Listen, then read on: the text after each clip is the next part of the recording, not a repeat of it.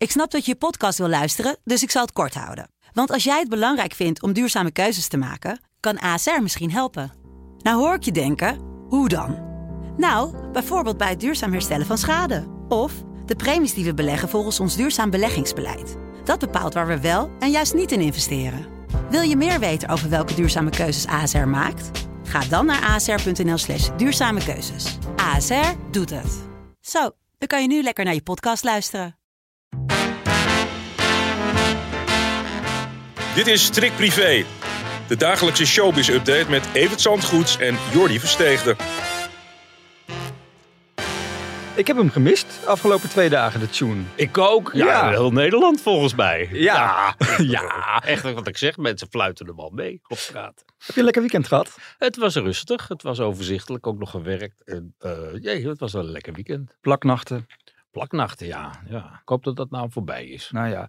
Ik was op Dutch Valley gisteren met eh, nou ja, echt eh, de top Hoe van... was het eh, met Tino Martin? Nou, ik vond het ook wel eens leuk om hem nuchter te horen. Of Ja. is dat heel vals? Ja, dat is heel vals. Maar goed, daar Ja. zijn we voor. Natuurlijk ook een beetje. Nee, hij was echt waanzinnig goed bij stem met de Marcel Visser Band. Bekend van beste zangers eh, Mhm. natuurlijk. Anouk was er. Eh, ik vond het jammer dat ze niet trouwde op het podium. Ik dacht, dat hoort tegenwoordig bij de show. ja, maar ze is geen seriebruid natuurlijk. Het is Nee. nee. trouw je één keer. Zeg, eh, het is onstuimig in showbizland. Het was echt niet te geloven. Ik, ik had eigenlijk gehoopt dat we En zaterdag... weer om die Hazes-familie. Dat houdt nooit op. Er is nu een musical, een film, zes boeken. Ja. En wat komt er nog meer aan, joh? De, de, de nieuwe hoofdstukken die stapelen zich op. En weer rollen ze met elkaar over straat. Het is allemaal te treurig en triest voor woorden. En dat allemaal door een paar uitspraken van Rox in dat programma Beste Zangers. En de ellende is niet te overzien. Ik denk dat voor mij de grootste klap is gekomen op het moment dat eh, mijn vader overleed en mijn moeder besloot om een boek te gaan schrijven. En ik mijn moeder negen maanden niet bij me heb gehad. En juist op het moment dat je ehm, eigenlijk haar zo nodig hebt om, om te rouwen. Dus ik heb ook echt elke avond toen een foto van mijn, van mijn eh, vader en moeder bij me gehad. En elke avond daar tegen, huilend tegen gesproken van... kom alsjeblieft terug. Want dit heeft echt natuurlijk ook weer consequenties voor de relatie tussen André en Monique. Want Ja. ja. Monique is weer hartstikke dik bevriend met, met Rox. Hoe gaat dat dan weer verder? Nou, het begint allemaal weer van voren af aan. En boven in de hemel denk ik dat Dreder nog maar een, een biertje opneemt. Want die kan er ook geen touw meer aan vastknopen als die naar beneden kijkt. Maar het is ongelooflijk. eh, hè, het houdt ons bezig. Wij kunnen het erover hebben omdat zij het allemaal uitspelen op social media. Maar aan de andere kant denk ik van ja, waarom juist op social Die man media? die draait zich om in zijn graf. Nou ja, of hij, of hij ligt weer recht. Nu, eh, die ligt te tollen in, in, in, in, in, in dat graf. Het is echt wat, hoe die mensen er een puinhoop van maken met elkaar. Terwijl ze allemaal van elkaar houden. Dan denk ik van, jezus, ik, ik ga eens bij elkaar zitten. Doe dat eens. En, Ja. en doe dat niet op deze manier. En dan met al die reacties van een Bridget Maasland. Dan denk ik, mensen, waar bemoei jij je nou nog mee? Heb je jezelf nog niet genoeg verschut gezet met die relatie met, met Dreetje? En eh, dat gaat dan ook allemaal met al die exen die dan weer partij kiezen voor, voor Rachel. Ik, oh, oh, oh, Nou, wij kiezen geen partij hier. We Niet? volgen het met verbazing. en eh, we schrijven de volgende hoofdstukken maar eens op. Ik zou zeggen Bert van Leeuwen, eat your heart out. Nou, Eh, het familiediner Die kan brand, die brand hier zijn vingers niet aan hoor. Echt niet.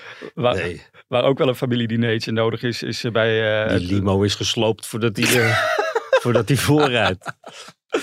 nou ja, het familiediner eh, kan ook wel een aflevering maken, denk ik, over Frank en Rogier. Al betwijfel ik of dat ook nog ooit goed Wordt ook komt. geen gezellig etentje. Nee. Nee. donderdag is het zover. Dan zien ze elkaar eindelijk terug. Dat is niet op hun eigen verzoek, maar op het verzoek van de rechter. Die dan een, eh, een, een slag met de hamer gaat geven op de stukken van de scheiding. Eindelijk, na twee jaar rollen bollen over straat, komt er dus een einde aan Frank en Rogier. Niet alleen op televisie, maar ook privé. En ik geloof dat eh, vooral Frank, die kwam ik laatst al tegen in Frankrijk, daar wel heel erg aan toe is. Ja. Die, eh, die is bereid om he- heel ver te gaan om van Rogier af te zijn. En eh, dat weet Rogier ook. En die vraagt nu 10.000 euro alimentatie in de maand. Maar waarvoor dan? ja, omdat, eh, eh, omdat hij gewend is aan een eh, soort levensstandaard. Ja. En denkt dat hij dat zonder werken kan, kan voortzetten. Terwijl Frank zegt van nou ja, overal zoeken ze personeel. Dus waarom zou hij niet kunnen gaan werken? En hij is een begenadigd stylist. Dat wil hij dan nog wel aan positiviteit eh, kwijt. Uh, waarom gaat hij niet gewoon aan de slag? En uh, ja, ik, ik, denk dat misschien dat de rechter daarin meegaat in die, uh, in die redenatie. En dat mag ik hopen voor Frank. Want ja, 10.000 euro in de maand be betalen, dat, dat lukt hem ook niet van zijn AOW.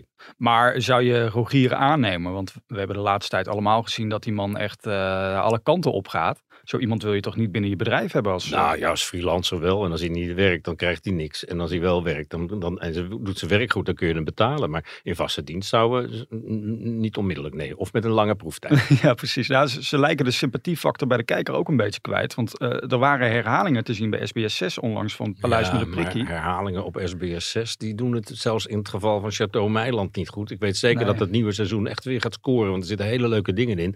Maar ook de herhaling van, van Chateau Meiland, hoe het allemaal begonnen, we weten ook allemaal hoe het afloopt. Mm -hmm. Dan, dat, dat, dat, ja, daar gaat de kijker niet voor zitten. Nee. We gaan weer een jarige feliciteren, want dat uh, gaan we ook deze week weer in de podcast doen. En vandaag is dat... Ja, Jeroen Pauw. Ja. Een man die we veel te weinig op televisie zien. Ik, ik, ik ken weinig presentatoren met zoveel humor als hij. En, en dat, dat toontje, dat filijnen en dat plagen. En dat, uh, hè? Hoe dan? Hoe, dat, wat zijn nou? Dat, dat, dat mis ik ontzettend. En hij is vooral achter de schermen bezig. Opnieuw weer met half acht. Dat, dat gaat terugkomen natuurlijk, eind van de maand. Ja. En dat maakt hij. En uh, ja, dat is hartstikke spannend. En Johnny mag er dan niet zijn. Er staan wel twee presentatrices klaar om het van hem over te nemen.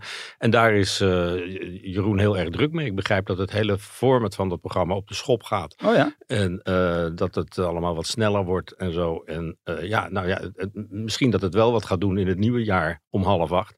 En uh, daar is de jarige druk mee als hij niet op Curaçao zit. Want dat is zijn tweede huis en daar zit hij uh, hele periodes. En ja, het gevaar daarvan is dat je toch eventjes de, de thermometer in de, in de samenleving gaat missen. Maar ja, goed, het nieuws in Nederland kun je op Curaçao ook prima vinden. Want er is elke uur zelfs radionieuws uit ja. Nederland. Dus ja, op Dolfijn FM hè, daar. Ja, Dolfijn FM. lekkere zender hoor. Ja, zeker. Ik, ik ga, uh, oktober ga ik er weer naartoe, dus dan, ik kijk er naar uit. Om oh, het weer te en ik dan? Ja, we gingen toch samen. We, gingen toch, we, we hebben toch een sponsor gevonden voor deze podcast. Ja, het is nu al succes. 62 jaar is hij trouwens. Uh, oh, nou, het is een prachtige leeftijd. Maar jij begon nu, uh, heel kort hoor, jij begon nu zelf over Johnny de Mol, dat hij voorlopig er nog niet zit. Maar denk jij dat hij uiteindelijk wel weer terug gaat keren? Er is niks over te zeggen. Dat hangt allemaal af van uh, hoe die zaak zich gaat ontwikkelen. En we weten ja. allemaal uit de zaak Marco Bussato hoe lang dat kan gaan duren. Ja, tot slot vanavond eindelijk weer een live talkshow. Vandaag ja. Inside eindelijk weer terug. En het toeval wil, ik was dus afgelopen week bij Johan thuis. Heb je daar weer een beetje kracht voor? Jawel, kracht wel en energie ook wel. En het is ook wel nodig, hè, want... Uh...